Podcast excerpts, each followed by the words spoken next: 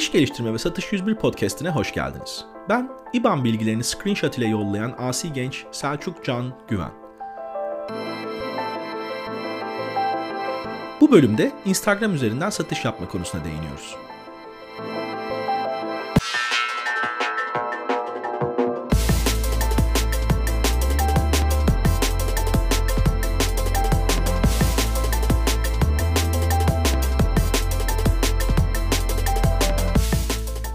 Yeni bölüme hoş geldiniz. Podcast takipçileriyle paylaşımlarda bulunduğumuz bir Discord kanalımız var. Hem oradan hem e-mail yoluyla bana çok fazla Instagram'dan satışa dair sorular geliyor. Öncelikle bu soruların gelmesi çok pozitif. Her geçen gün daha fazla kişi Instagram'a gidip satış yapmaya çalışıyor demektir. Mikro girişimcilik örneği daha fazla kişinin girişimci olmaya doğru yönelimi kabul edebiliriz bunu. Kimisinin bir beklentisi yok. Ne satarsa diyor. Kimisi maaş bağımlılığından kurtulmak, freelance düzene geçmek istiyor. Kimisinin manevi motivasyonları var. Kimi şu şekil giyiniyor, kimi bu şekil. Şimdi bu bölümde hızlı uygulanabilecek temel satış önerileri paylaşalım 3-4 tane bu arkadaşlar için. Instagram satışlarını nasıl arttırabilirsin? 1. Ticaret yaptığını unutmayarak. Instagram'da bir dükkan açtıysan motivasyonun ne olursa olsun bir şeyler satmak istiyorsun demektir. Yani artık sen ticaret yapacaksın. Tüccar olmanın da bazı gereksinimleri var. Nasıl fiziksel dükkan olan adam sabah erken açıyor, temiz tutuyor, rafları diziyor, dükkanın önünü suluyor, envanter tutuyor. Sen de bunların dijital dünyaya denk gelen kısımlarını yapmak durumundasın. Özel mesajdan gelen müşterilerini güler yüzle karşılamak olabilir, paylaşımlarını düzenli yapmak olabilir, maliyetlerine hakim olup makul bir fiyat stratejisi belirlemek olabilir. Bunlar aklıma ilk gelenler. Instagram satışlarını nasıl arttırabilirsin? 2. Satış stratejisi oluşturarak. Artık ticaret yapıyorsun dedik ya, hedefin para kazanmak. Para kazanmak için de bir planının olması lazım. Ben bir hesap açayım, ürünlerimi güzelce oraya koyayım, sonra bakalım işte hayırlısı dersen çok uzunca süre sadece bakarsın. Plan yaparsan yolu sen çizersin. Satış stratejisi nedir? Nasıl hazırlanır bölümünü gidip dinlemenizi öneriyorum bu noktada. Özeti şu. Neyi, kime, nasıl satacağım sorularının yanıtını bir sayfaya yazın yeter. Stratejiniz oluştu. Neyi satacağım? Yani ürünüm ne? Rakipleri kim? Başka kimler bu ürünü satıyor ve nasıl satıyor? Kime satacağım? Yani müşterim kim? Müşterim bu ürünü nerede arıyor? Kaça satın alıyor? Son olarak nasıl satacağım? Web siteme mi yönlendireceğim? Kredi kartıyla tahsilat mı alacağım? Kargo ile kapıda mı ödeteceğim? Yani müşterime erişim ve tahsilat kanallarım neler? Instagram satışlarını nasıl arttırabilirsin? 3. Ölçümlemeye başlayarak. Bunun için de ölçemediğin şeyi geliştiremezsin diye bir bölüm kaydettim. Onu da inceleyin lütfen. Çok basit haliyle Instagram business hesabınıza geçtiğinizde gönderilerinizin aldığı etkileşim, erişim gibi konularda çeşitli istatistiklere ulaşacaksınız. Bu istatistikleri başka bir yere not edin, sonra da analiz edin. Ne tip paylaşımlar daha çok ilgi çekiyor? Belki çok beğeni geliyor ama satışa yansımıyor bu. Hangi hashtagler işe yarıyor? Ne tip metinler, ne tip görsellerle iyi etkileşim alıyor gibi.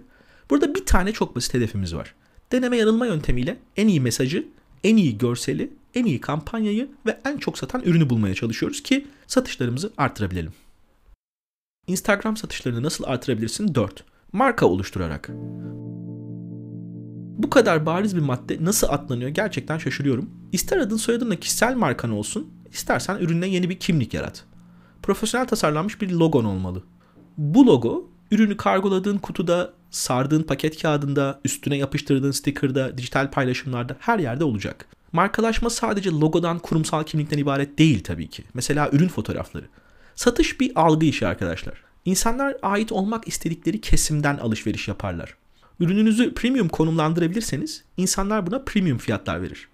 Buna yatırım yapın. Profesyonel fotoğraf çektirin.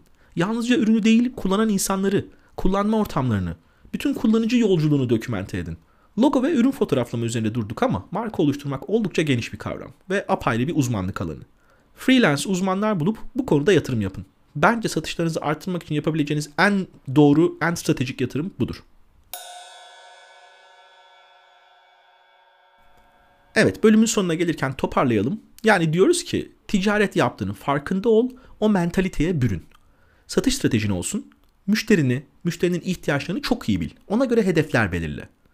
Bu hedeflere doğru yürümeye başlayınca işlerin nasıl gittiğini ölçümle ve en önemlisi bütün bu faaliyetleri tek bir şemsiye altında toplayacak markanı yaratmaya zaman ve kaynak ayır. Benim gözlemim arkadaşlar daha birinci maddede çuvallıyoruz. Yani ben ticaret yapıyorum.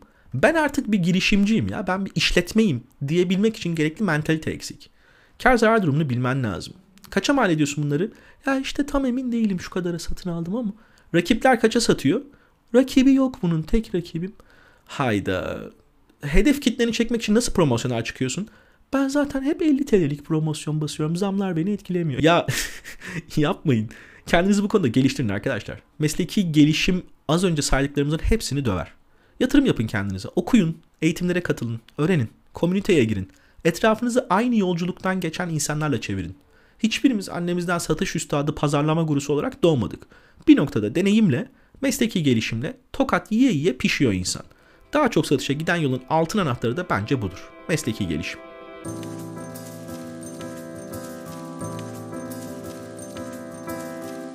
Buraya kadar dinlediğiniz için teşekkür ederim. Dinlediğiniz mecradan takibi alın lütfen. Puan verin, yıldız verin. Apple Podcast'ten yorumlar yazmaya başladınız. Yorumlar çok değerli. Çok çok teşekkür ederim. Yorumlarınız sayesinde can düşmanım olan müzikdinledur.com 2020 yeni şarkılar podcast'ini girişimcilik kategorisinden geçmeye çalışıyorum. Bakalım önümüzdeki haftalar nasıl olacak. Görüşmek üzere, hoşçakalın.